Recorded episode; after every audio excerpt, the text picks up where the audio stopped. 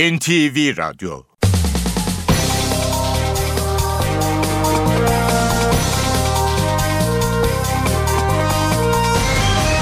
İşe Giderken Mutlu sabahlar. Ben Aynur Altunkaş. Bugün 28 Mart Cuma. Haftanın son iş gününde işe giderken de karşınızdayız. Türkiye ve dünya gündemine yakından bakacağız. Ayhan Aktaş da spor haberlerini aktaracak. Gündemin başlıklarıyla başlayalım. Dışişleri Bakanlığı'nda iki hafta önce yapılan Suriye konulu gizli toplantının ses kayıtları internete sızdırıldı. Dışişleri Bakanı Ahmet Davutoğlu, Türkiye'ye savaş ilanıdır, yapanlar hem El-Kaide hem de Esad rejimiyle bağlantılı dedi. CHP lideri Kılıçdaroğlu ise hükümetin Suriye ile savaşa girmek için yol aradığını söyledi. Gizli Suriye toplantısına ait ses kayıtlarını yayınlayan YouTube'a erişim engellendi. Gerekçe ulusal güvenliği tehdit. Avrupa Birliği YouTube'a erişimin engellenmesini vahim bir adım olarak niteledi. Amerika Birleşik Devletleri de hükümete erişimi engellemeyi kaldırın çağrısını yeniledi. Eski Ukrayna Başbakanı Yulia Timoshenko Mayıs ayında yapılacak devlet başkanlığı seçiminde aday olacağını açıkladı. İşe giderken gazetelerin gündemi.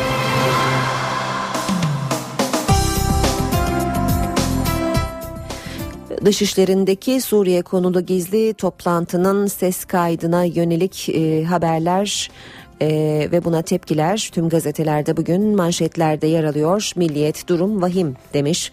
Suriye operasyon seçeneklerinin masaya yatırıldığı dışişlerindeki çok gizli toplantının ses kaydının internette yayınlanması şok etkisi yarattı. Davutoğlu bu bir savaş ilanı dedi diyor Milliyet gazetesi haberinde kaydın yayınlanmasından birkaç saat sonra Dışişleri Bakanlığı'nda kapsamlı bir e, açıklama yapıldı. Konuşmaların bazı bölümlerinin tahrif edildiğinin belirtildiği açıklamada Dışişleri Bakanı makamında yapılan çok gizli mahiyetteki toplantının izlenerek kamuoyuna servis edilmesi Türkiye'nin ulusal güvenliğine yönelik alçakça bir saldırı, bir casusluk faaliyeti ve son derece ağır bir suçtur denildi. Haberin duyulmasının ardından Ankara Başsavcılığı derhal soruşturma başlattığı deniyor. Haberin ayrıntılarında bu tarz toplantılar öncesi çok ciddi güvenlik taramaları yapılmasına ve sinyal kesiciler kullanılmasına rağmen sızıntının olması ise büyük bir soru işareti yarattı deniyor haberin devamında.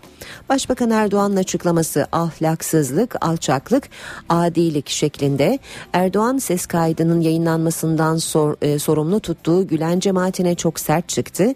Dışişleri Bakanlığı'nda ulusal güvenliğimizle Suriye'deki Süleyman Şah Türbesi ile ilgili görüşme yapılıyor. Bu bile YouTube'a düştü. Bu ahlaksızlıktır, adiliktir, alçaklıktır, namussuzluktur.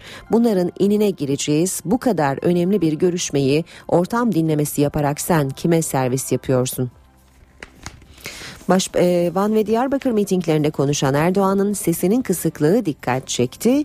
Başbakanın sesi teknolojik destekle yükseltilse de normal tonundan çok daha ince şekilde duyuldu deniyor Milliyet'te. CHP lideri ve MHP liderinin açıklamalarına da bakalım. Ee, Kılıçdaroğlu Deniz Baykal'a ait kaseti Başbakan Erdoğan'ın izlerken çekilmiş videoyu gördüğünü açıkladı. Kılıçdaroğlu dizüstü bilgisayardan Erdoğan'a izlettiriliyor. Erdoğan'a izletenler aynı zamanda başbakanın da bilgisayarın üzerindeki kameradan görüntüsünü alıyorlar. Haberi yok. Eliyle gözlüğünü takarken nasıl izlediğine dair fotoğraf internete düştüğü için bunu açıkladım dedi. MHP lideri e, Bahçeli de Kahramanmaraş'ta konuştu. Başbakan Erdoğan'ın devletin imkanlarını kullanmak için parti devleti oluşturmaya, arkasından da diktatör olmaya heveslendiğini söyledi. Yine milliyetten okuyalım. Havaya açılan ateş aşçıyı vurdu. Başbakan Erdoğan'ın Van mitingi sonrası dağılan AK Partili kalabalıkla protesto için toplanan BDP'liler arasında gerginlik çıktı. Ortalık savaş alanına dönünce polis havaya ateş açtı. Çalıştığı Van Grand Otel'in 5. katından olayları izleyen aşçı Kadir İnan sağ omuz altından gelen kurşunla yaralandı. İnan'ın hayati tehlikesinin olmadığı açıklandı. Hürriyetle devam edelim. Devletin en gizli sırrı sızdırıldı diyor Hürriyet'te manşette. El-Kaide'nin Suriye'deki Süleyman Şah Türbesi'ne müdahalesi halinde Türkiye'nin olası savaş planlarının tartışıldığı toplantıda konuşulanların internette yayınlanması herkesi şoke etti. CHP lideri Kılıçdaroğlu'nun açıklamalarına bakalım. Kılıçdaroğlu gizli Suriye toplantısına ait ses kaydı için Erdoğan savaş kışkırtıcılığıyla ayakta durmaya çalışıyor. Eline kardeş kanı bulaşmış Müslüman Müslümanı öldürüyor o zevk alıyor dedi. E, genel kurmayı da uyardığını hatırlatan CHP lideri hükümet El-Kaide ile işbirliği yapıyor şeklinde konuştu. Milli e, Savunma Sanayi Müsteşarı Bayar görevden alındı başlığını görüyoruz. Savunma sanayinde gece yarısı operasyonu 10 yıllık müsteşar Murat Bayar görevden alındı. Bayar'ın adının Milgem ihalesiyle ilgili ses kaydında geçtiği iddia edilmişti. Erdoğan'ın açıklaması yetersiz. CHP'nin eski lideri Baykal istifasına yol açan kasetin başbakanın bilgisi dahilinde yayıldığına ilişkin ses kaydı konusunda Erdoğan'ın yaptığı açıklamalar yeterli değil, iddia çok ciddi, kapsamlı izahat bekliyoruz dedi. Ankara Cumhuriyet Başsavcılığına ses kaydının dökümünü vererek faillerin bulunması için acil inceleme talep ettiğini söyledi Baykal'ın avukatı. Devam edelim. Ee, Sabah gazetesiyle sabahta vatana ihanet sürmanşeti var. Kaset örgütünden hem casusluk hem hainlik paralel yapı Dışişleri Bakanlığı'nın kozmik odasındaki çok kritik Suriye toplantısını dinledi ve sosyal medyada yayımladı diyor sabah. Manşette ise Başbakan Erdoğan'ın kasette e, kasetli ihanete e, verdiği cevabı görüyoruz. O hainlerin inine gireceğiz başlığıyla yer almış sabahta haber. Radikal'de Haber Devlet çıplak başlığıyla manşette yer almış dışişlerindeki çok gizli bir toplantının dinlendiği ortaya çıktı. Bakan Davutoğlu, MİT Müsteşarı Fidan, Dışişleri Müsteşarı Sinirlioğlu ve Orgeneral Gürel'in Süleyman Şah Türbesi için yaptıkları toplantının ses kaydının internete sızdığını yazdıktan sonra e, Dışişleri Bakanı ve Başbakanın e, verdiği tepkilere de yer veriyor birinci sayfasında. İstanbul'un en kritik 12 ilçesi başlığı var. Radikal'de Topbaş mı Sarıgül mü? Seçim sonucu en çok merak edilen illerin başında İstanbul geliyor. Kentin kaderini 12 ilçedeki seçmenlerin tercihi belirleyecek diyor Radikal haberinde. Cumhuriyete bakalım manşet Süleyman Şah bombası Suriye'ye yönelik planların tartışıldığı çok gizli toplantıya ait ses kaydının da internete düştüğü belirtiliyor. Cumhuriyet gazetesinde hükümetin verdiği alçakça şeklindeki tepkiyi bir başlıkta görüyoruz. Muhalefetin verdiği e, tepki de yine e, haberde yer alıyor. YouTube'da kapatıldı bir diğer başlık. Suriye ile ilgili kayıtların internete sızmasının ardından video paylaşım sitesi YouTube'a mahkeme kararı olmadan erişim yasağı getirildi. Telekomünikasyon İletişim Başkanı YouTube'un idari kararla engellendiğini açıkladı. Twitter yasağında olduğu gibi site kapansa da pek çok kullanıcı yasağa deldi deniyor haberde. Devam ediyoruz e, Star gazetesiyle ihanetin en adisi diyor Star manşetinde paralel casusluk Türkiye dün tarihinin en alçakça saldırısına maruz kaldı deniyor haberin devamında. Başbakan Erdoğan'ın alçaklık, namussuzluk şeklindeki sözlerini e, Star gazetesinde bir başka başlıkta görüyoruz. Devam edelim. Zaman gazetesiyle Dinleyen de sızdıran da savaş mizanseni yapan da hesap versin demiş Zaman Gazetesi de manşetinde. Bu bir ulusal güvenlik skandalıdır deniyor. Haberde başsavcılığın soruşturma başlattığı bilgisi yer almış yine. Habertürk ile devam ediyoruz. Habertürk manşetinde YouTube kapandı diyor. Twitter'dan sonra YouTube'un da fişi çekildi. Gerekçe ulusal güvenlik. Davutoğlu'nun makamında yapılan e, Suriye'ye operasyon zirvesinin tapesi ardından Dışişleri'nin talebi ve TİB'in YouTube'u kapattığı haberini okuyoruz. Facebook'un da kapatılması sırada demiş Habertürk haberinde. Yeni Şafak gazetesinde bu ihanet affedilmez başlığı manşette. Dışişleri Bakanı'nın savaş ilanıdır sözü bir diğer başlıkta. Milli güvenliğe birinci derece tehdit diyor yine bir diğer başlığında Yeni Şafak. Cumhurbaşkanı Gül Dışişleri Bakanlığı Müsteşarı Feridun Sinirlioğlu'nu köşke çağırdı. Tibze sosyal paylaşım sitesi YouTube'da kaydın kaldırılmasını istedi. 3 saat süren müzakerede talebi geri çeviren siteye erişim ulusal güvenliğe birinci derece tehdit gerekçesiyle engellendi diyor Yeni Şafak haberinde.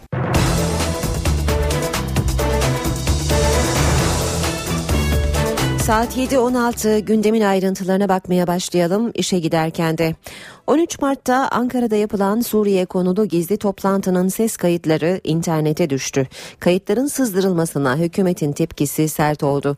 Başbakan Erdoğan bu ahlaksızlık dedi. Dışişleri Bakanı Davutoğlu da Türkiye'ye savaş ilanıdır diye konuştu. CHP lideri Kılıçdaroğlu ise hükümetin Suriye ile savaşa girmek için yol aradığını söyledi.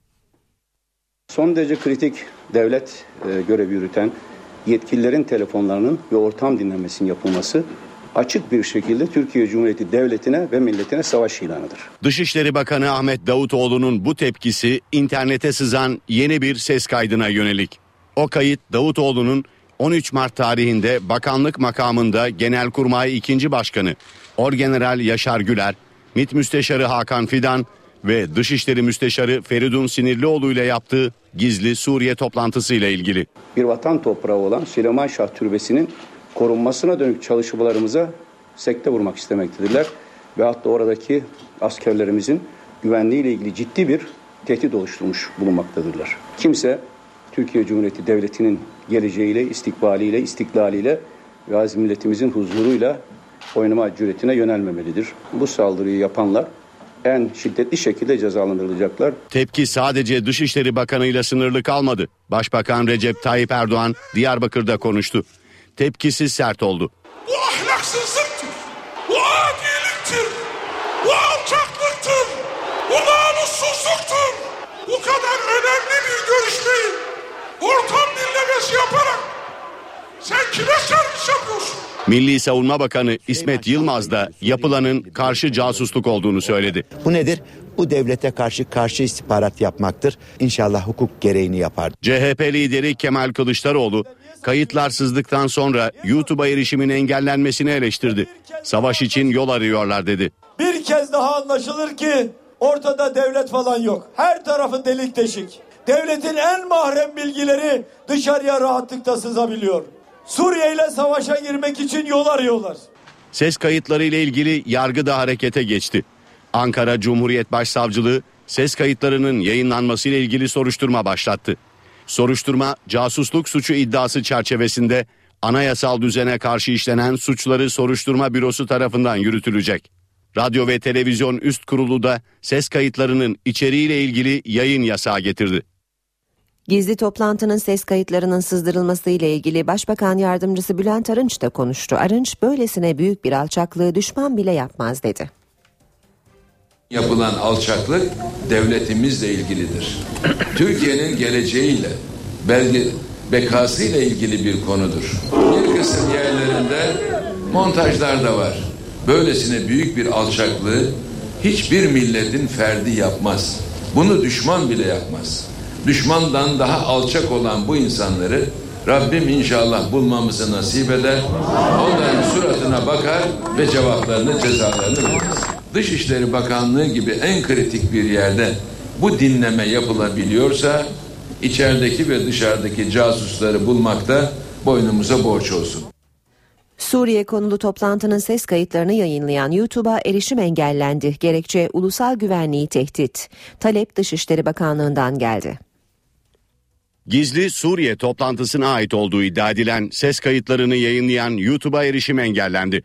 Gerekçe ulusal güvenliği tehdit. YouTube'a erişim engeli Telekomünikasyon İletişim Başkanlığı'nın idari kararıyla sağlandı. Dışişleri Bakanlığı Müsteşar Vekili Büyükelçi Ömer Önhon, kayıtların yayınlanmasının hemen ardından Ulaştırma, Denizcilik ve Haberleşme Bakanlığı'na YouTube'a erişimin engellenmesi talebiyle bir yazı gönderdi. Yazıda YouTube üzerinden yayınlandığı belirtilen 15 ayrı içerik için ulusal güvenliğe birinci derecede tehdit oluşturduğu gerekçesiyle erişim engeli istendi. Yazıyı alan Telekomünikasyon İletişim Başkanlığı YouTube yetkilileriyle temasa geçerek bu içeriklerin çıkarılmasını istedi. Ancak YouTube durumu değerlendireceğiz yanıtını verdi ve değerlendirme için 4 saatlik sürenin kısa olduğunu bildirdi. Bunun üzerine tip ulusal güvenlik gerekçesiyle YouTube'a erişimi engelledi. Yasalara göre tip ulusal güvenlik söz konusu olduğunda mahkeme kararına gerek kalmadan idari tedbirle erişimi engelleyebiliyor. YouTube'a erişimin engellenmesi dünyada geniş yankı buldu. Avrupa erişimin engellenmesini vahim bir adım olarak nitelerken Amerika Birleşik Devletleri Twitter'a erişimin engellenmesinin ardından verdiği tepkiyi yineledi. YouTube'a erişimin engellenmesinin ardından ilk tepki Avrupa Komisyonu'ndan geldi. Komisyonun dijital stratejilerden sorumlu üyesi Türkiye'de vahim ve üzücü bir başka adım daha dedi. Avrupa Birliği Komisyonu'nun genişlemeden sorumlu üyesi Stefan Füle ise önce Twitter sonra YouTube. Türkiye bu nerede son bulacak tweet'i attı. YouTube'a erişimin engellenmesi kararına bir tepki de Amerika Birleşik Devletleri Dışişleri Bakanlığı'ndan geldi. Twitter konusunda da belirttiğimiz gibi ifade özgürlüğünü kısıtlayan her türlü eyleme karşıyız. Türk hükümetine YouTube ve Twitter'a vatandaşlarının erişimini engellemeyi kaldırması yönünde çağrı yapmayı sürdürüyoruz. YouTube'a erişimin engellenmesi dış basında da büyük yankı buldu. Danimarka'da yayımlanan Jylland Posten gazetesi son dönemde Türkiye ve Rusya'daki karışıklığın ülke ekonomisini etkileyerek yatırımcıları kaçırdığını öne sürdü. Alman Die ise erişim engeli kararının yaklaşan seçim için önlem olduğunu yazdı. YouTube'a erişim engellendi. Peki Twitter'a erişim engeli ne zaman kaldırılacak? Ankara 15. İdare Mahkemesi yürütmeyi durdurma kararı aldı ancak bu karar henüz Telekomünikasyon İletişim Başkanlığı'na ulaşmış değil. Kurum kararın ulaşmasından sonraki 7 gün içinde itiraz hakkına sahip. Yani sitenin açılması zaman alabilir. Twitter'a erişim engelinin kalkması bir ayı bulabilir. Ankara 15. İdare Mahkemesi'nin Twitter'a erişim engelini kaldırmasının ardından uygulanacak prosedüre göre durum böyle. Gözler şimdi Telekomünikasyon İletişim Başkanlığı TİB'de. Mahkeme kararı henüz TİB'e ulaşmış değil. Ancak kararın gerekçesi Barolar Birliği internet sitesinden öğrenildi. Buna göre tip karara 7 gün içinde itiraz edecek, 15 gün içinde de Ankara 15. İdare Mahkemesi'ne savunma sunacak. Savunmada engellemenin hukuki dayanağına yer verilecek. Bu sürede Twitter erişime kapalı kalacak. TİB'in itirazı reddedilip 15. Daire Mahkemesi'nin kararı yerinde bulunsa bile yürütmeyi durdurma kararının uygulanması 30 gün içinde sağlanacak. Başbakanlık Kamu Diplomasisi Koordinatörlüğü 1 Ocak 2014'ten 20 Mart 2014 tarihine kadar Twitter'la ilgili TİB'e 27'si mahkeme kararı ve 300 savcılık talebi olmak üzere 30 talep ulaştığını bildirdi. Bu talepler üzerine tip tarafından Twitter'a 643 bildirimde bulunuldu. 5 adli karara konu olan internet adresinin sitede yer almadığı tespit edildi. Ancak kurum bu sitelerin Twitter tarafından mı kapatıldığı yoksa kullanıcılar tarafından mı kaldırıldığının tespit edilemediğini bildirdi. Bu arada İstanbul Anadolu 5. Suh Ceza Mahkemesi Twitter'ın erişim engellenmesi kararına yaptığı itirazı reddetti. Sosyal paylaşım sitesi Twitter yasağın gerekçesini oluşturan 3 hesaptan ikisini kapattı. Eski bir bakan hakkında yolsuzluk iddialarının yer aldığı 3. hesapsa ifade özgürlüğü dikkate alınarak kapatılmadı. Twitter erişimin engelinin kaldırılması için İstanbul Anadolu 5. Suh Ceza Mahkemesi'ne başvurdu. Mahkeme bu itirazı reddetti. Twitter'a Türkiye'de Türkiye'deki sunucular üzerinden erişim 20 Mart'tan beri sağlanamıyor. Seçime iki gün kaldı. Liderler mitinglerine dün de devam etti. Başbakan Erdoğan'ın sesi yoğun temposu nedeniyle kısıktı. Ancak buna rağmen Van ve Diyarbakır'da kürsüye çıktı. Önce rahatsızlığına rağmen neden mitinglerini iptal etmediğini açıkladı. Konuşmalarında da çözüm süreci üzerinden BDP'yi ve cemaati hedef aldı. Van Diyarbakır. Sesimizde bir rahatsızlık var. Bu can bu tende oldukça durmak yok. Yola devam diyoruz. Van'ı iptal edemezdim. Diyarbakır'ı iptal edemezdim. Böyle de olsa gelmek zorundaydım. Barış barış demek de barış gelmiyor. Barışın gereği nedir? Silahların bırakılmasıdır. Bırakamadılar. Hala varsa yoksa da arkalarında da olmasa zaten yoklar. Diyorum ki korkuyu korkutun. Bunların adındaki barışa bakmayın. Bunların barışla alakası yok.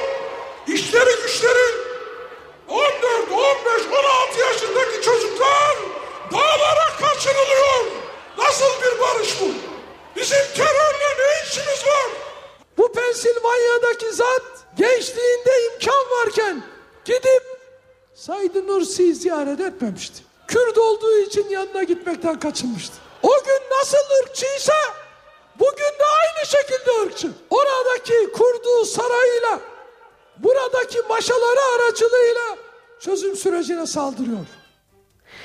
Başbakan Erdoğan'ın Van'daki mitinginin ardından AK Partililerle BDP'liler arasında gerginlik çıktı. Polisin havaya ateş açması sonucu bir kişi yaralandı. Bir binanın 5. katında bulunan 26 yaşındaki Kadir İnan'a kurşun isabet etti. Olayın ardından Vali Doğan yaralı genci hastanede ziyaret etti. CHP Genel Başkanı Kemal Kılıçdaroğlu ise Hatay, Adana ve Mersin'de seçmenlere seslendi. Mitinglerde Suriye politikası üzerinden hükümeti eleştiren Kılıçdaroğlu ben uyarmıştım dedi. Suriye'de akan kanın sorumlusu kim? Suriyeli çocukların Türkiye'nin sokaklarında dilenmesine sebep olan adam kim? 50 sefer uyardım. Ya kardeşim oraya silah gönderme. El-Kaide ile kucak kucağa gelme. Sonra senin başına bela olur dedim. Ama dinletemedim. Şimdi Suriye'ye savaş açmak istiyor. Mustafa Kemal Atatürk ülkenin bağımsızlığını kurduktan sonra şu cümleyi kullanmıştır. Zorunlu olmadıkça savaş bir cinayettir demiştir. Suriye Türkiye için bir tehdit unsuru değildir. Bütün komşularımızla barış içinde yaşamak isteriz. MHP Genel Başkanı Devlet Bahçeli seçmenlerine Kahramanmaraş'ta seslendi, demokratik açılım paketini eleştirdi. Adalet ve Kalkınma Partisi'ne oy vermiş aziz millet evlatları, sizi incitmek için söylemiyorum, sizi kırmak için söylemiyorum ama bazı konuları da artık farkına var. AK Parti'yi siyah gözlükle seyretmekten vazgeç. Türkiye'nin birçok demokratik insan hakları ve özgürlük sorunları varken önceliği neye göre hareket ederek bir demokratik açılım denen zırvayı uyguluyorsun. Kahramanmaraş'ın toprak bütünlüğümüz, üniter yapımız ve milli devlet anlayışımızda yüksek bir şuuru vardır. Türkiye'de bunların tartışıldığı bir dönemde bir cevap vermek gerekir. Cevap demokrasi içerisinde belediye başkanlıklarını kazanmakla olur. Barış ve Demokrasi Partisi eş başkanı Selahattin Demirtaş seçim çalışmaları için Tunceli'deydi. Hem iktidarı hem muhalefeti eleştirdi. Ana muhalefet partisi 91 yıllık bir parti. 91 yıldır Türkiye'de CHP var. Ve 90 yıldır Dersim'in sorunları var. Yani parti var olduğu günden bu yana Dersim'in sorunları var. Doğru kararı verirken geçmişten tarihinizden geleceğe kadar her şeyi ince düşünün, ince ayrıntılandırın. Dersim halkı demokratik olarak neye karar verirse biz saygı duyacağız. Yani yurt dışına ürün mal satamamış Türkiye'de sadece bir şehir var. Tahmin edin bakalım. Dersim. Dersim'in hiçbir rakamı Türkiye ortalamasının üstünde değil. Bunların hiçbiri de Dersim'deki bilinçli politikanın uygulamasının sonucu değil diyemeyiz. Dışişleri Bakanlığı'nda iki hafta önce yapılan Suriye konulu gizli toplantının ses kayıtları internete sızdırıldı. Dışişleri Bakanı Ahmet Davutoğlu Türkiye'ye savaş ilanıdır. Yapılanlar hem El-Kaide hem de Esad rejimiyle bağlantılı dedi. CHP lideri Kılıçdaroğlu ise hükümetin Suriye ile savaşa girmek için yol aradığını söyledi. Gizli Suriye toplantısına ait ses kayıtlarını yayınlayan YouTube'a erişim engellendi. Gerekçe ulusal güvenliği tehdit. Avrupa Birliği YouTube'a erişimin engellenmesini vahim bir adım olarak niteledi. Amerika Birleşik Devletleri de hükümete erişimi engellemeyi kaldırın çağrısını yineledi. Eski Ukrayna Başbakanı Yulia Timoshenko, Mayıs ayında yapılacak devlet başkanlığı seçiminde aday olacağını açıkladı.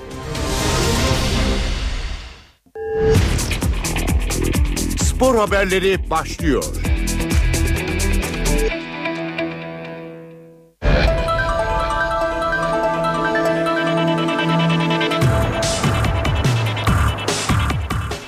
Günaydın ben Ayhan Aktaş spor gündeminden gelişmelerle bu sabahta sizlerle birlikteyiz. Beşiktaş'la başlayalım. Önümüzdeki sezonun transfer çalışmalarına hızlı başlayan Beşiktaş, Aaron Hunt'da sona yaklaştı. Siyah beyazlar Alman oyuncuyla büyük ölçüde anlaşma sağladı. Werder Bremen forması giyen Hunt'ın sözleşmesi sezon sonunda sona eriyor. Hunt'la yeniden anlaşmak isteyen Alman kulübü 27 yaşındaki futbolcuyla yaptığı görüşmelerden henüz sonuç alamadı. Bild gazetesine konuşan Werder Bremen genel menajeri Thomas Eichen, Hunt'la anlaşamadıklarını doğrulur, doğrularken oyuncunun menajeri Jurgen Milevski de kendilerine sunulan teklifi kabul etmelerinin mümkün olmadığını vurguladı. Beşiktaş'ın devre arasında gündeme aldığı orta saha oyuncusuna yıllık 2 milyon eurodan 3 yıllık sözleşme önerdiği ve Hunt'ın da bu teklife sıcak baktığı öğrenildi.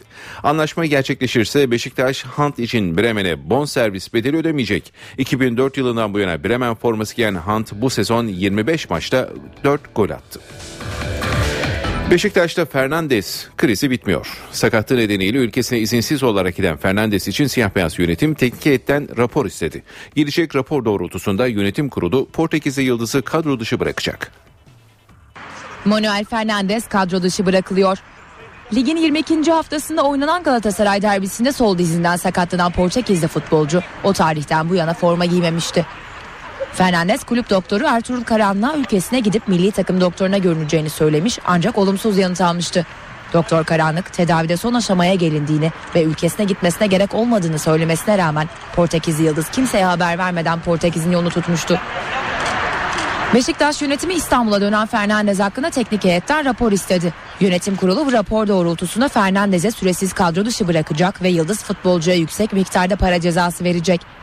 Sezon sonu Beşiktaş'ta sözleşmesi bitecek olan Portekizli futbolcunun alınacak bu karar sonrası ligin son 8 haftasında forma giymesi beklenmiyor.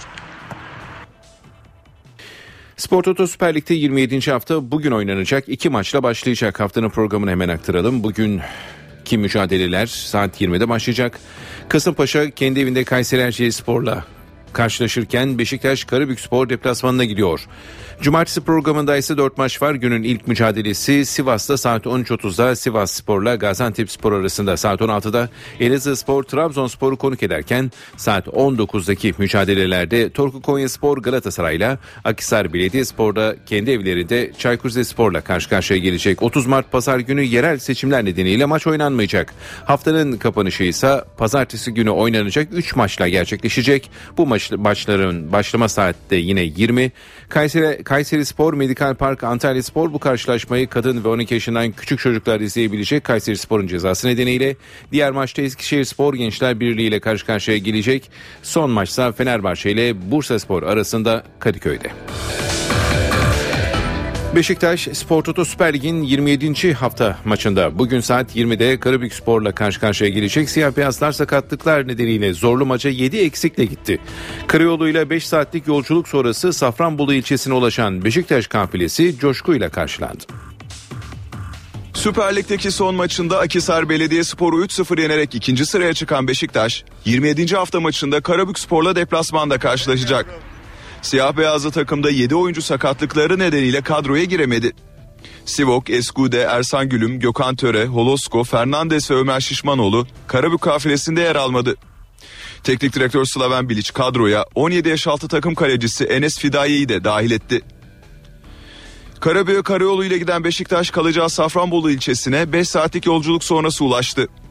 Siyah beyazlı kafileyi kalabalık bir taraftar grubu tezahüratlar ve meşaleler eşliğinde coşkuyla karşıladı.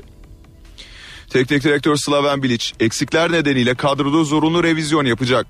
Hırvat teknik adamın son haftaların formda ismi Mustafa Pektem'i yine ilk 11'de oynatması bekleniyor. Tek forvetle maça başlayacak olan siyah beyazlılar da Almeyda yedek kulübesinde oturacak. Savunmadaysa İstanbul'da kalan Ersan'ın yerine Dani forma giyecek.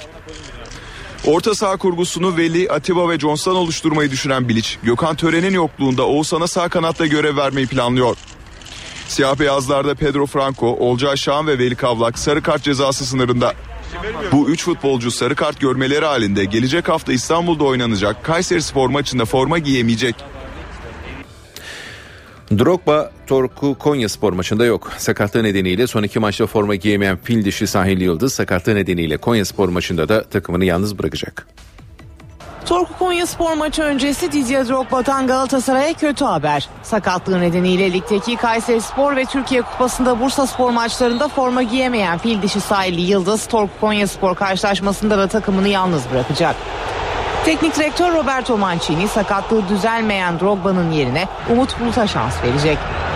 Şampiyonluk yarışında geride kalan Sarı Kırmızılarda Konya Spor karşısında hücum üçlüsünün Snyder, Burak ve Umut'tan oluşması bekleniyor. Galatasaray'ın orta alanında ise kart cezalısı Felipe Melo'nun yerine Yekta Kurtuluş'un forma giymesi bekleniyor. Kasığında zorlanma olan Selçuk İnansa maça yetişebilecek. İtalyan teknik adam orta sahayı Ceyhun Selçuk ve Yekta'ya teslim edecek. Torku Konya Spor'a karşı defans hattının solunda Alex Sellis'i kullanmayı planlayan Roberto Mancini, sağ bekte Sabri ve Veysel arasında bir seçim yapacak. Deneyimli çalıştırıcının stoper alternatifleri arasında Semih Hakan Balta ikilisinin yanı sıra Gökhan Zan, Koray Günter ve Burdiso bulunuyor. Yabancı kuralından dolayı Kayseri Spor mücadelesinde olduğu gibi Ebu'ye ve Şedcu yine tribüne gönderilecek. Tahkim Kurulu olaylı Fenerbahçe maçı sonrası disiplin kurulu tarafından 6 maç seyircisiz oynama cezasına çarptırılan Trabzonspor'a ilave deliller için 5 gün ek süre verdi. Kurul Bursa Spor'un bir maç seyircisiz oynama cezasına yaptığı itirazı da reddetti. Türkiye Futbol Federasyonu Tahkim Kurulu Trabzonspor'un 6 maçlık seyircisiz oynama cezasına yaptığı itirazı karara bağlamadı. Bordo Mavili Kulübün olaylı Fenerbahçe maçı sonrası Profesyonel Futbol Disiplin Kurulu tarafından verdiği 6 maçlık ceza ile ilgili yaptığı başvuru duruşmalı toplantıda ele alındı. Toplantıda Trabzonspor Kulübü Başkanı İbrahim Hacı Osmanoğlu ile kulüp yetkilileri de hazır bulundu. Zirve sonrası karar çıkmazken Bordo Mavililere ek süre verildi. Tahkim kurulundan yapılan açıklamada Trabzonspor'un talebi üzerine Bordo Mavili kulübe ek savunma delillerinin sunumu için 5 günlük süre verildiği bildirildi. Öte yandan Bursa Spor'un taraftarlarının neden olduğu çirkin ve kötü tezahürat nedeniyle disiplin kurulu tarafından verilen bir maç seyircisiz oynama ve 300 bin lira para cezalarına yaptığı itiraz tahkim kurulu tarafından reddedildi. Kayseri sporlu Bilal Yener Arıca'ya disiplin tarafından verilen iki maçlık cezada kurul tarafından onandı. Spor bültenimize basketbolla devam edelim. Galatasaray Live Hospital Euroleague'de playoff'a kalma yolunda önemli bir galibiyet elde etti. Sarı Kırmızı takım deplasmanda Zalgiris Kaunas'ı 84-72 yenerek grubu ilk dörtte bitirme şansını arttırdı. Turkish Airlines Euroleague Top 16 turu 12. haftasında Galatasaray Live Hospital, Jalgiris Kaunas'a konuk oldu.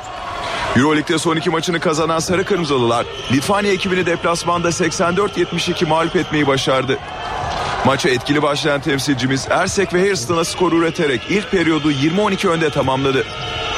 Sarı Kırmızılılar maçın ikinci çeyreğine de iyi başladı. Hairston'la arayı açan Galatasaray farkı çift tanelere çıkardı. Jalgiris 7-0'lık seriyle farkı 4'e indirse de Galatasaray devreyi 38-35 önde kapattı. Sarı Kırmızılı takım 3. çeyrekte özellikle Hairston ve Furkan Aldemir'in sayılarıyla 52-41'lik skoru buldu ve farkı tekrar çift tanelere çıkardı. Arroyo ile farkı korumayı başaran temsilcimiz son periyoda 66-57 önde girdi. Final periyodunda Carlos Arroyo ile oyunun kontrolünü eline alan Sarı Kırmızılılar mücadeleden 84-72 galip ayrıldı. Grupta 6. galibiyetini elde eden Galatasaray'da Arroyo 19, Hairston 16, Markoşvili 13 sayıyla galibiyette kilit rol oynadı. Jalgiris'te ise Justin Denton 19 sayı attı. Bu arada son antrenmanda sakatlandığı için Jalgiris karşısında oynayamayan Pops Mensah Bonsu'nun 10 gün parkelerden uzak kalacağı açıklandı. Euroleague'de çeyrek final şansı olmayan Anadolu Efes prestij maçında Laboral Kutha'dan fark yedi. İspanyol ekibine 105-79 yenilen lacivert beyazlılar E grubunda son sıraya indi. Turkish Airlines Euroleague Top 16 turu 12. hafta mücadelesinde Anadolu Efes sahasında ağırladığı Laboral Kuço'ya farklı mağlup oldu. Karşılaşmaya etkili başlayan Laboral 3. dakikayı 12-5 ile geçti. İlerleyen dakikalarda oyuna ortak olan Anadolu Efes 15-6'lık seriyle 20-18'lik üstünlük yakaladı. Ancak periyodun sonlarında oyunun kontrolünü tekrar rakibine kaptıran lacivert beyazlılar ilk çeyreği 31-26 geride tamamladı. Anadolu Efes maçın ikinci çeyreğinde de istediği oyunu sahaya yansıtamadı. Savunmada sorunlar yaşayan temsilcimiz bu periyotta farkın daha da açılmasına engel olamadı ve ilk yarıyı 13 sayı farkla 55-42 geride kapattı. Lacivert Beyazlılar etkisiz oyununu ikinci yarıda da sürdürdü. Rakibi karşısında farkı eritmeyi başaramayan Efes, 3. çeyreğini 73-59 geride bitirdiği karşılaşmanın son periyodunda farkın daha da açılmasına engel olamadı ve parkeden 26 sayı farkla 105-79 mağlup ayrıldı. Gruptan çıkma şansını daha önce yitiren ve bu sonuçta 10. mağlubiyetini alan Anadolu Efes grupta son sıraya geriledi. Fenerbahçe Ülker Euroleague'de çeyrek final yolunda bugün önemli bir maça çıkacak. Temsilcimiz sahasındaki karşılaşmada Emporio Armani Milano ile karşılaşacak. Maç saat 20.30'da başlayacak ve NTV Spor Smart'tan canlı yayınlanacak. Airlines Euroleague Top 16 E grubu 12. hafta maçında Fenerbahçe Ülker'le Emporio Armani, Fenerbahçe Ülker Sports Arena'da karşılaşacak. Euroleague'deki son maçında geçtiğimiz hafta deplasmanda Panathinaikos'a 76-67 yenilen Fenerbahçe Ülker, 5 galibiyet ve 6 mağlubiyetle grupta averajla 5. sırada yer alıyor. Top 16'da evinde oynadığı 5 maçın 4'ünü kazanan temsilcimizde Blogota Sekilucci sakatlığı sebebiyle forma giymesi beklenmiyor. Torku Konya maçında dinlendirilen Nemanja Bjelica takımla çalışmalarını sürdürürken karşılaşmada forma giyebilecek. 8 galibiyet ve 3 yenilgisi bulunan İtalyan ekibi grubun ikinci sırasında bulunuyor. Emporio Armani Fenerbahçe ülkeyi mağlup ettiği takdirde adını son 8 takım arasına yazdırma başarısı gösterecek. Eğer İtalyan temsilcisi Fenerbahçe'ye mağlup olur, Olympiakos da Unica Malaga'yı yenerse Emporio Armani çeyrek finale yükselecek. Konuk takımın en etkili silahı 18.2 sayı ortalamasıyla oynayan Keith Langford. Langford'un yanı sıra eski Fenerbahçeli Curtis Geralds 11 ve Alessandro Gentile de maç başına 10.7 sayıyla mücadele ediyor. İki takım arasında İtalya'da oynanan karşılaşmayı Emporio Armani 90-85'lik skorla kazanmıştı. Bu haberimizle spor bültenimizi tamamladık. İyi günler diliyoruz. NTV Radyo Herkese yeniden günaydın. Yeni saate başlıyoruz. Gökhan Abur'la birazdan hava durumunu konuşacağız. Önce gündemin başlıkları. Dışişleri Bakanlığı'nda iki hafta önce yapılan Suriye konulu gizli toplantının ses kayıtları internete sızdırıldı. Dışişleri Bakanı Ahmet Davutoğlu Türkiye'ye savaş ilanıdır. Yapılanlar hem El-Kaide hem de Esad rejimiyle bağlantılı dedi. CHP lideri Kılıçdaroğlu ise hükümetin Suriye ile savaşa girmek için yol aradığını söyledi. Gizli Suriye toplantısına ait ses kayıtlarını yayınlayan YouTube'a erişim engellendi. Gerekçe ulusal güvenliği tehdit. Avrupa Birliği YouTube'a erişimin engellenmesini vahim bir adım olarak niteledi. Amerika Birleşik Devletleri de hükümete erişimi engellemeyi kaldırın çağrısını yineledi. Eski Ukrayna Başbakanı Yulia Tymoshenko Mayıs ayında yapılacak devlet başkanlığı seçiminde aday olacağını açıkladı. Gökhan Abur'la beraberiz. Günaydın Sayın Abur. Günaydın. Hafta sonu geldi. Biz bugünden daha çok seçim günü yurdumuzda hava nasıl olacak onu merak ediyoruz. Evet. Evet. E, Bugünden başlarsam bugün çok kuvvetli lodos var. Hemen hemen e, yalnız kıyı kesimlerde değil yani Akdeniz'de, Ege'de, e, Marmara'da öyle saatlerinde kuvvetli esecek lodosla birlikte sıcaklıklar bugün mevsim ortalamaların bir aylık üzerinde. İç kesimlerde de kuvvetli lodos var. Ve şu an itibariyle Yavaş yavaş yağışlar başladı. Dün akşam saatlerinde iç kesimlerde de başlamıştı. Trakya'da yağış var. Ege'de yağış önümüzdeki saatler içinde başlayacak. Karadeniz'in iç kesimlerinde yağış var. Bugün için yalnızca Güneydoğu ve Doğu Anadolu'nun doğusunda yağış beklemiyoruz. Şu an itibariyle gece saatlerinde başlayan Giresun, Trabzon, Rize, Arfin'deki sis önümüzdeki saatlerde çisenti şeklinde yağışı başlatacak ve yağışlar daha sonra aralıklarla etkisini sürdürmeye devam edecek. Bugün sıcaklıklar çok yüksek ama gece saatlerinden itibaren rüzgarın karayele dönmesiyle birlikte yarın kuzeyden başlayarak kuvvetli karayel hem sıcaklıkları azalttıracak hem de yağışlar giderek etkisini arttıracak. Gece saatlerine itibaren bu hızlı soğuma, kuzeyli rüzgarların başlatacağı hızlı soğumayla birlikte özellikle Marmara'nın iç kesimlerindeki yağışların yani Bilecik'teki yağışlar e, yer yer kar ve karla karışık yağmura dönerken Batı Karadeniz bölgemizin iç kesimlerinde Bolu, Karabük, Kastamonu arasındaki yağışlar da yer yer karla karışık yağmur ve kara dönecek. Aynı şekilde bu yağışlar Karadeniz bölgesine ve doğuda da Erzurum, Kars, Ardahan arasındaki bölgede kar ve karla karışık yağmur şeklinde cumartesi günü devam ederken e, Karadeniz'de de yağışların yer yer yüksek kesimlerde karla karışık yağmur ve kar şeklinde olmasını bekliyoruz. Cumartesi günü hemen hemen ülkenin büyük bir çoğunluğunda yağış var ve hissedilen sıcaklıklar bir hayli azalacak çünkü batı bölgelerde kuvvetli rüzgar var. Bu rüzgarlar Güney Ege'de karayel, İstanbul'da Marmara'da karayel, ee, Çanakkale Boğazı'nda ise yine kuvvetli olacak olarak esmesini beklediğimiz Poyraz var. Rüzgarın ilerleyen saatlerde Poyraz'a dönmesi pazar günü yağışı kesecek. Yağışlar pazar günü hemen hemen Doğu Karadeniz ve Doğu Anadolu dışında görülmeyecek. Hava pazar günü seçim günü oldukça soğuk. Ama Batı Karadeniz'de, Marmara'da, Ege'de, Akdeniz'de iç kesimlerde sıcaklıklar hissedilir derecede azalacak. Kuvvetli rüzgardan dolayı, Poyraz'dan dolayı hissedilen sıcaklıklar azalırken yağışta etkisini tamamen kaybedecek. Fakat doğuda, Doğu Karadeniz bölgesi ve Doğu Anadolu'daki yağışların pazar günü yani seçim günü yer yer yoğun olmak üzere kar şeklinde devam etmesini bekliyoruz. Bizi soğuk bir hafta sonu bekliyor bunu söyleyebilirim. Yarın hemen hemen ülkenin tümünde yağış var. Pazar günü ise seçim günü ise Doğu Karadeniz ve Doğu Anadolu'daki yağışların kar şeklinde olmasını bekliyoruz. Böyle bir hafta sonuna ve böyle bir seçime giriyoruz. Gökhan Abur teşekkürler. Gündeme yakından bakmayı sürdürelim. 13 Mart'ta Ankara'da yapılan Suriye konulu gizli toplantının ses kayıtları internete düştü. Kayıtların sızdırılmasına hükümetin tepkisi sert oldu. Başbakan Erdoğan bu ahlaksızlık dedi. Dışişleri Bakanı Davutoğlu Türkiye'ye savaş ilanıdır diye konuştu. CHP lideri Kılıçdaroğlu ise hükümetin Suriye ile savaşa girmek için yol aradığını söyledi. Son derece kritik devlet e, görevi yürüten yetkililerin telefonlarının ve ortam dinlemesinin yapılması açık bir şekilde Türkiye Cumhuriyeti Devleti'ne ve milletine savaş ilanıdır. Dışişleri Bakanı Ahmet Davutoğlu'nun bu tepkisi internete sızan yeni bir ses kaydına yönelik.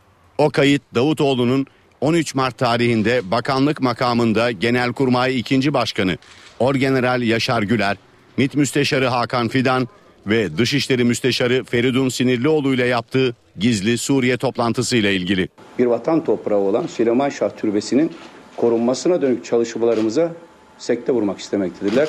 Ve hatta oradaki askerlerimizin güvenliğiyle ilgili ciddi bir tehdit oluşturmuş bulunmaktadırlar. Kimse Türkiye Cumhuriyeti Devleti'nin geleceğiyle, istikbaliyle, istiklaliyle ve aziz milletimizin huzuruyla oynama cüretine yönelmemelidir. Bu saldırıyı yapanlar en şiddetli şekilde cezalandırılacaklar. Tepki sadece Dışişleri Bakanı ile sınırlı kalmadı. Başbakan Recep Tayyip Erdoğan Diyarbakır'da konuştu.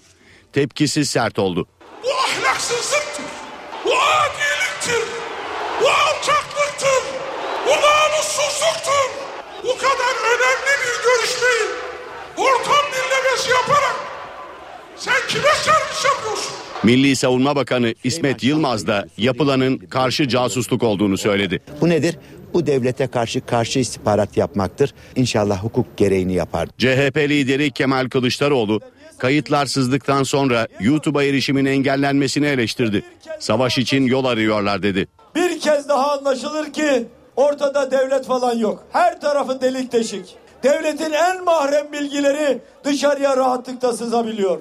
Suriye ile savaşa girmek için yol arıyorlar. Ses kayıtları ile ilgili yargı da harekete geçti. Ankara Cumhuriyet Başsavcılığı ses kayıtlarının yayınlanması ile ilgili soruşturma başlattı. Soruşturma casusluk suçu iddiası çerçevesinde anayasal düzene karşı işlenen suçları soruşturma bürosu tarafından yürütülecek. Radyo ve Televizyon Üst Kurulu da ses kayıtlarının içeriğiyle ilgili yayın yasağı getirdi. Suriye konulu toplantının ses kayıtlarını yayınlayan YouTube'a erişim engellendi. Gerekçe ulusal güvenliği tehdit talep Dışişleri Bakanlığı'ndan geldi. Gizli Suriye toplantısına ait olduğu iddia edilen ses kayıtlarını yayınlayan YouTube'a erişim engellendi. Gerekçe ulusal güvenliği tehdit. YouTube'a erişim engeli Telekomünikasyon İletişim Başkanlığı'nın idari kararıyla sağlandı. Dışişleri Bakanlığı Müsteşar Vekili Büyükelçi Ömer Önhon, kayıtların yayınlanmasının hemen ardından Ulaştırma, Denizcilik ve Haberleşme Bakanlığı'na YouTube'a erişimin engellenmesi talebiyle bir yazı gönderdi. Yazıda YouTube üzerinden yayınlandığı belirtilen 15 ayrı içerik için ulusal güvenliğe birinci derecede tehdit oluşturduğu gerekçesiyle erişim engeli istendi. Yazıyı alan Telekomünikasyon İletişim Başkanlığı YouTube yetkilileriyle temasa geçerek bu içeriklerin çıkarılmasını istedi. Ancak YouTube durumu değerlendireceğiz yanıtını verdi ve değerlendirme için 4 saatlik sürenin kısa olduğunu bildirdi. Bunun üzerine tip ulusal güvenlik gerekçesiyle YouTube'a erişimi engelledi.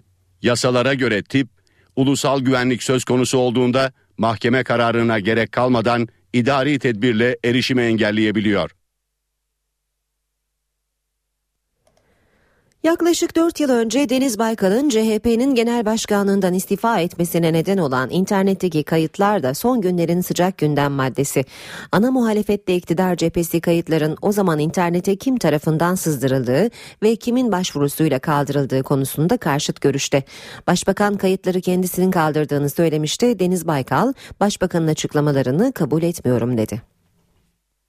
Yarım saat içerisinde kalkıp onu sosyal medyadan kaldıran bir başbakana bu saygısızlığı, bu hakareti de yapamaz. Bunu kabul etmiyorum. Bunlar cevap değildir. İhtiyaç duyulan cevap bu değildir. Ortada bir iddia var ve ciddi bir iddiadır. Eski CHP Genel Başkanı Deniz Baykal'ın istifasına neden olan kayıt yeniden siyasetin gündeminde. Tartışmalar devam ediyor. Baykal, Başbakan'dan bu konuda yanıt bekliyor. Bu iddianın aydınlığa kavuşturulması gerekiyor. Bunu aydınlığa kavuşturma konusunda doğrudan görevli bu iddiaları muhatabı olan Sayın Başbakan'dır. Kişisel e, çerçevede değerlendirilmemelidir. Türkiye için önemlidir. Ankara'da yerel seçim yarışı suikast tartışmasına da sahne oluyor. Ankara Büyükşehir Belediye Başkanı Melih Gökçek, CHP adayı Mansur Yavaş'ın Ankara'ya 100 silahlı provokatör geldi açıklamasını eleştirdi, ihbarda bulun çağrısı yaptı. İçişleri Bakanı Efkan Ala da Yavaş'ın elinde somut bir bilgi olmadığını öne sürdü. Gökçek ve Ala'ya yanıt veren Mansur Yavaş, elimdeki somut verileri yazılı olarak paylaşmaya hazırım dedi. Mansur Yavaş'ın iddiası somuttur. 100 kişi geliyor. Sayıları belli. Nereden geleceği belli, nasıl geleceği belli. Demek ki biliyor. Bildiği halde ihbar etmiyorsa suç işliyor. Yok bilmeyip de böyle söylüyorsa yalan söylüyor. Madem biliyor niye polise müracaat etmiyor? Ankara'da Büyükşehir adaylarının suikast polemiği sürüyor. Ankara Büyükşehir Belediye Başkanı Melih Gökçek, Ankara'ya 100 silahlı provokatör geldi iddiasında bulunan CHP adayı Mansur Yavaş'ı ihbarda bulunmaya çağırdı.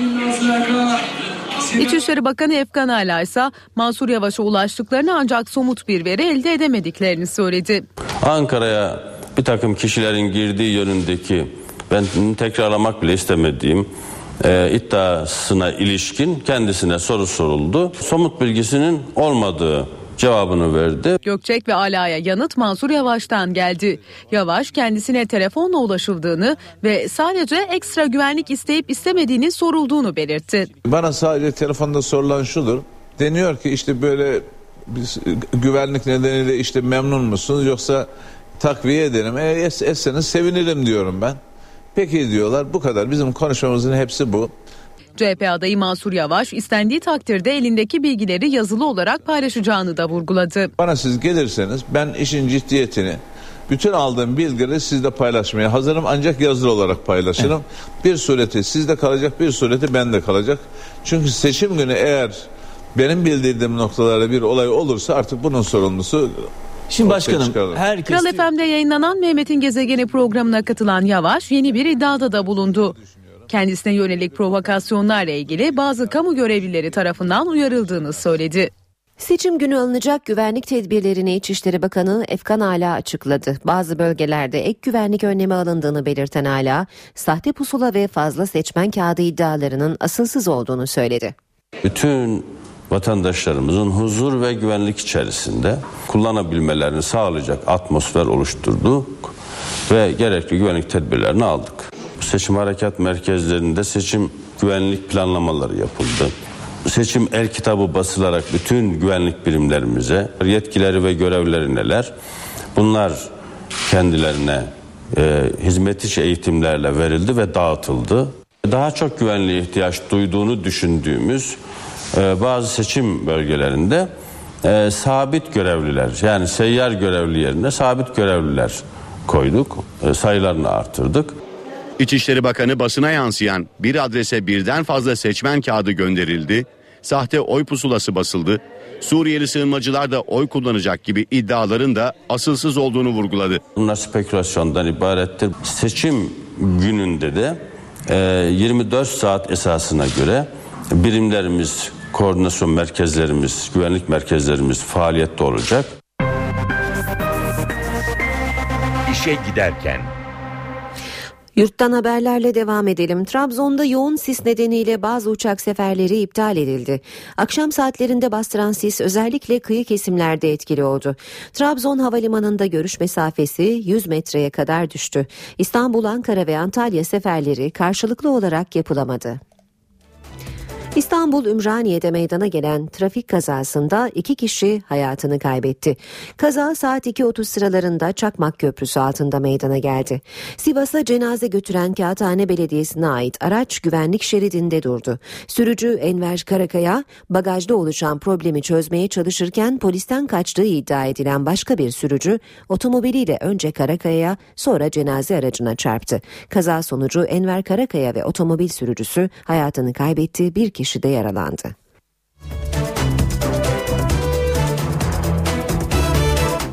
Kağıthane'de maskeli iki kişi önünü kestikleri otomobildeki kuyumcuyu silahla vurduktan sonra etkisiz hale getirip aracındaki 300 bin euro ve bir miktar ziynet eşyasını alarak kayıplara karıştı.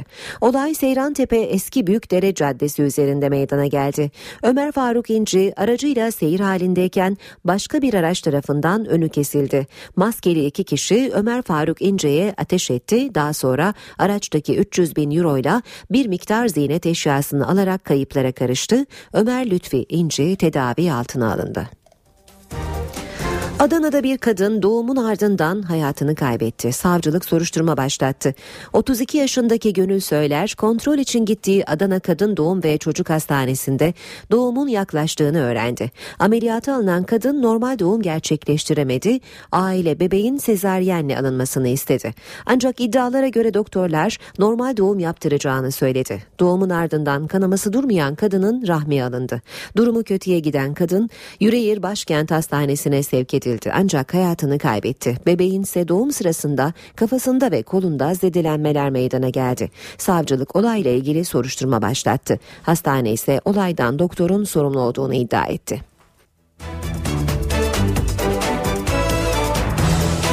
Ankara 11. Aile Mahkemesi ilginç bir karara imza attı. Kocasının kredi borçlarından şikayetçi eşin şikayetini dikkate alan mahkeme, aileyi korumak için borçtan kurtulmayan kocanın kredi ve kredi kartı almasını yasakladı. Kararı avukat Cengiz Ortoğlu NTV'ye değerlendirdi.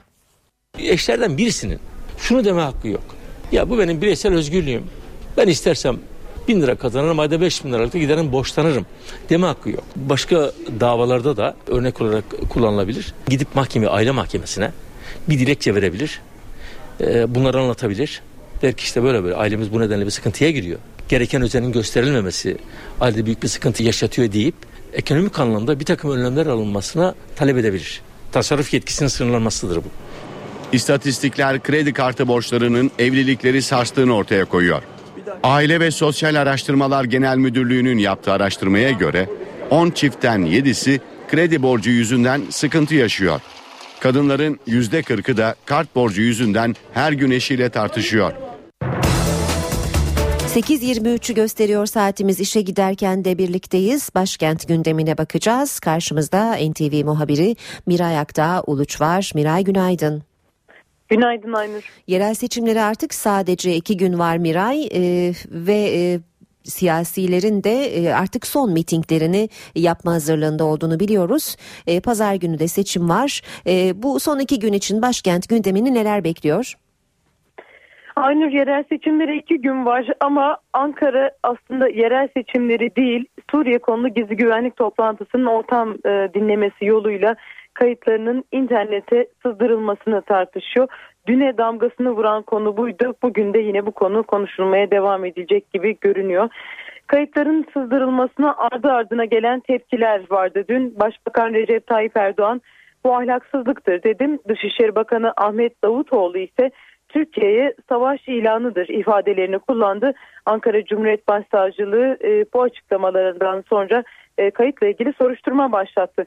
Olayın hemen ardından Dışişleri Bakanlığı'nın talebi üzerine yani mahkeme kararı olmadan ulusal güvenliği birinci derecede tehdit eden içerikte yayınlara yer verdiği gerekçesiyle YouTube'a da erişim engellendi. Yani artık Twitter'ın ardından Türkiye'de YouTube'da yasaklı.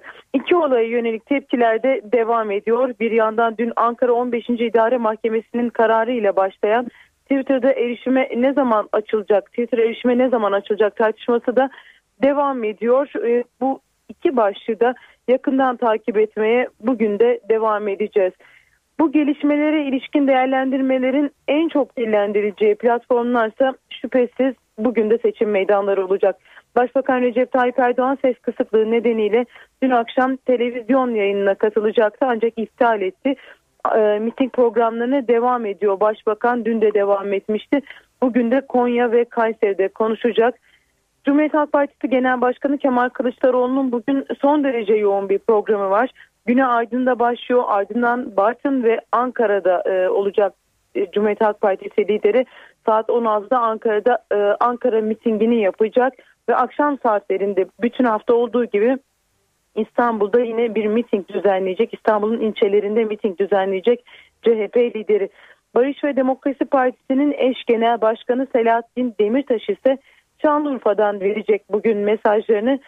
Tabi liderlerin e, seçim meydanlarında vereceği mesajlar Suriye toplantısına ilişkin ses kaydıyla ilgili gelişmeler olacak ama Suriye sınırında devam eden gerginlik, yolsuzluk iddiaları, tapeler, internete düşen ses kayıtları işte bütün bu başlıklara ilişkinde siyasi partilerin liderleri mesajlar verecekler seçim meydanlarından ve bizler de gün boyunca bu başlıkları başkent Ankara'dan sizlere aktaracağız Aynur. Miray teşekkürler. Başkent gündemini Miray Aktağ Uluş'tan aldık.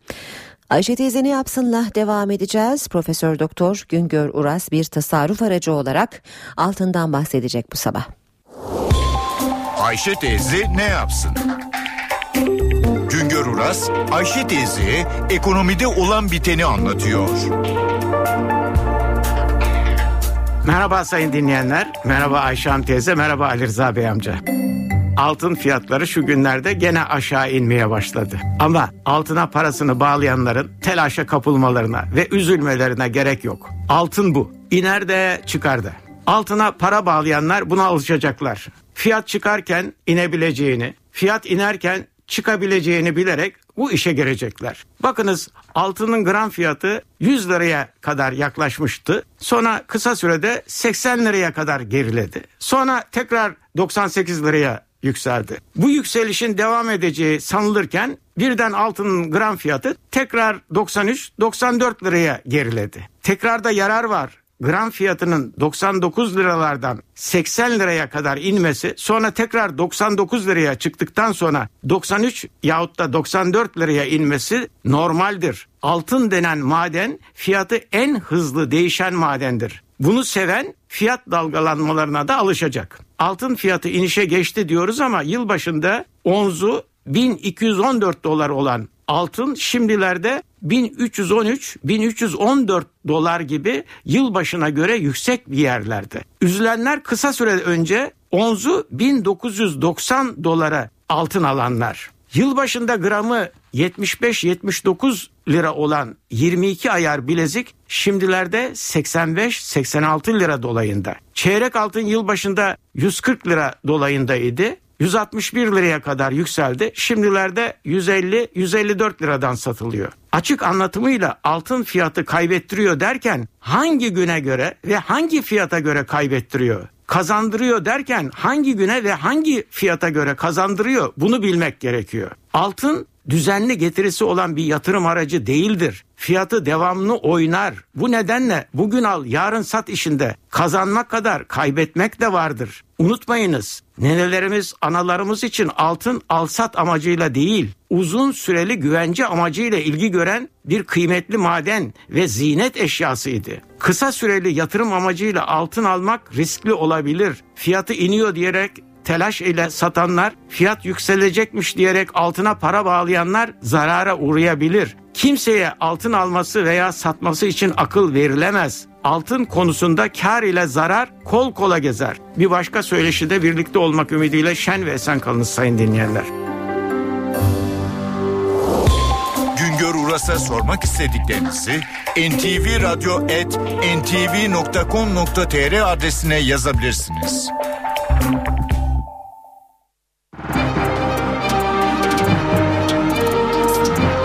Piyasalarla devam edelim. BIST 100 endeksi %1 oranında değer kaybederek 67.048 puandan dünü tamamladı.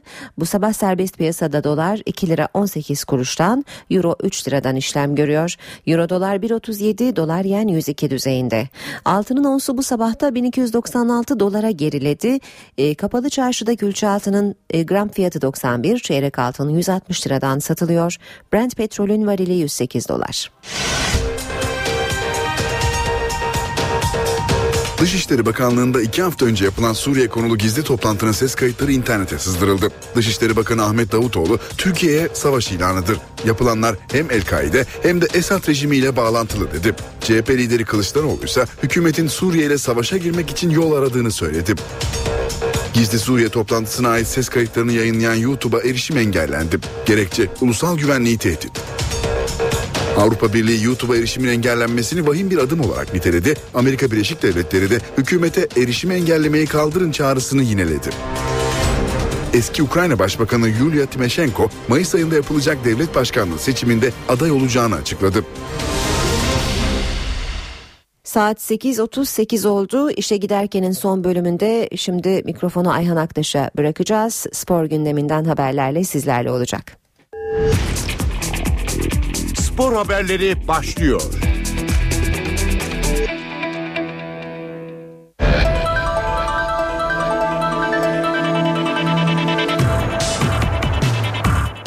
Günaydın. Spor gündeminden gelişmelerle bir kez daha birlikteyiz.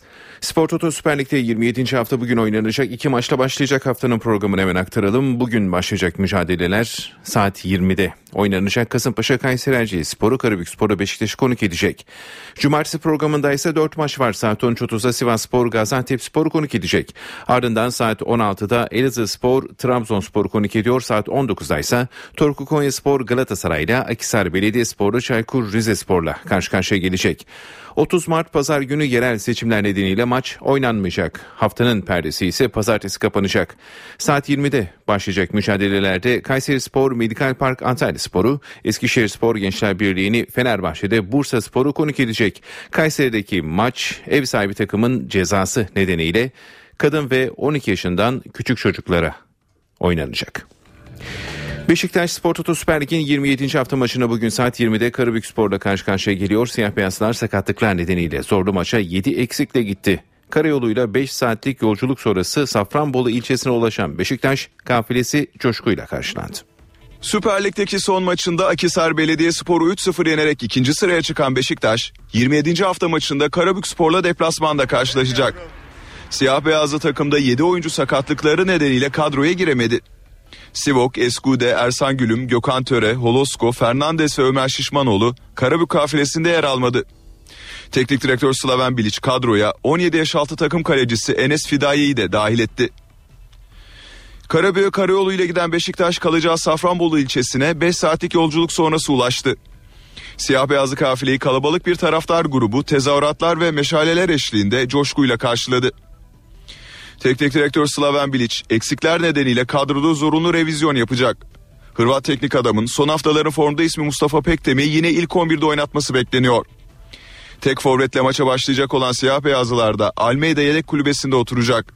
Savunmadaysa İstanbul'da kalan Ersan'ın yerine Dani forma giyecek. Orta saha kurgusunu Veli, Atiba ve Johns'tan oluşturmayı düşünen Bilic, Gökhan Tören'in yokluğunda Oğuzhan'a sağ kanatta görev vermeyi planlıyor. Siyah beyazlarda Pedro Franco, Olcay Şahan ve Veli Kavlak sarı kart cezası sınırında. Bu üç futbolcu sarı kart görmeleri halinde gelecek hafta İstanbul'da oynanacak Kayseri Spor maçında forma giyemeyecek. Beşiktaş'ta Fernandes krizi bitmiyor. Sakatlığı nedeniyle ülkesine izinsiz olarak giden Fernandes için siyah beyaz yönetim teknik heyetten rapor istedi. Gelecek rapor doğrultusunda yönetim kurulu Portekizli Yıldız'ı kadro dışı bırakacak. Manuel Fernandes kadro dışı bırakılıyor. Ligin 22. haftasında oynanan Galatasaray derbisinde sol dizinden sakatlanan Portekizli futbolcu o tarihten bu yana forma giymemişti. Fernandes kulüp doktoru Ertuğrul Karan'la ülkesine gidip milli takım doktoruna görüneceğini söylemiş ancak olumsuz yanıt almıştı. Doktor Karanlık tedavide son aşamaya gelindiğini ve ülkesine gitmesine gerek olmadığını söylemesine rağmen Portekizli Yıldız kimseye haber vermeden Portekiz'in yolunu tutmuştu. Beşiktaş yönetimi İstanbul'a dönen Fernandez hakkında teknik heyetten rapor istedi. Yönetim kurulu bu rapor doğrultusunda Fernandez'e süresiz kadro dışı bırakacak ve yıldız futbolcuya yüksek miktarda para cezası verecek. Sezon sonu Beşiktaş'ta sözleşmesi bitecek olan Portekizli futbolcunun alınacak bu karar sonrası ligin son 8 haftasına forma giymesi beklenmiyor. Galatasaray Kulübü Başkanı Ünal Aysal son dönemde alınan kötü sonuçlara karşın camiadan umutlu olmalarını istedi. Sarı Kırmızılı takımı rahat günlerin beklediğini ifade eden Aysal, kulübün mali yönden son 15 yılın en iyi dönemini geçirdiğini dile getirdi.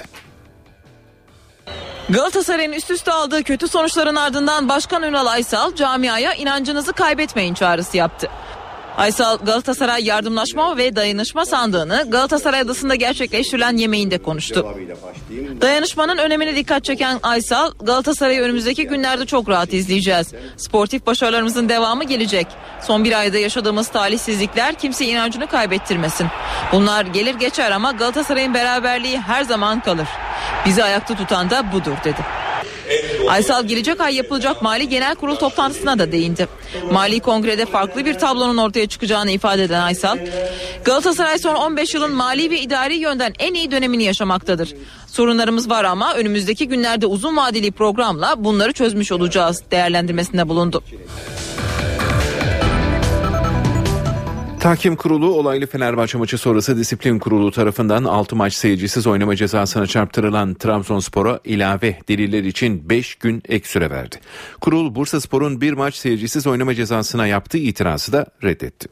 Türkiye Futbol Federasyonu Tahkim Kurulu Trabzonspor'un 6 maçlık seyircisiz oynama cezasına yaptığı itirazı karara bağlamadı.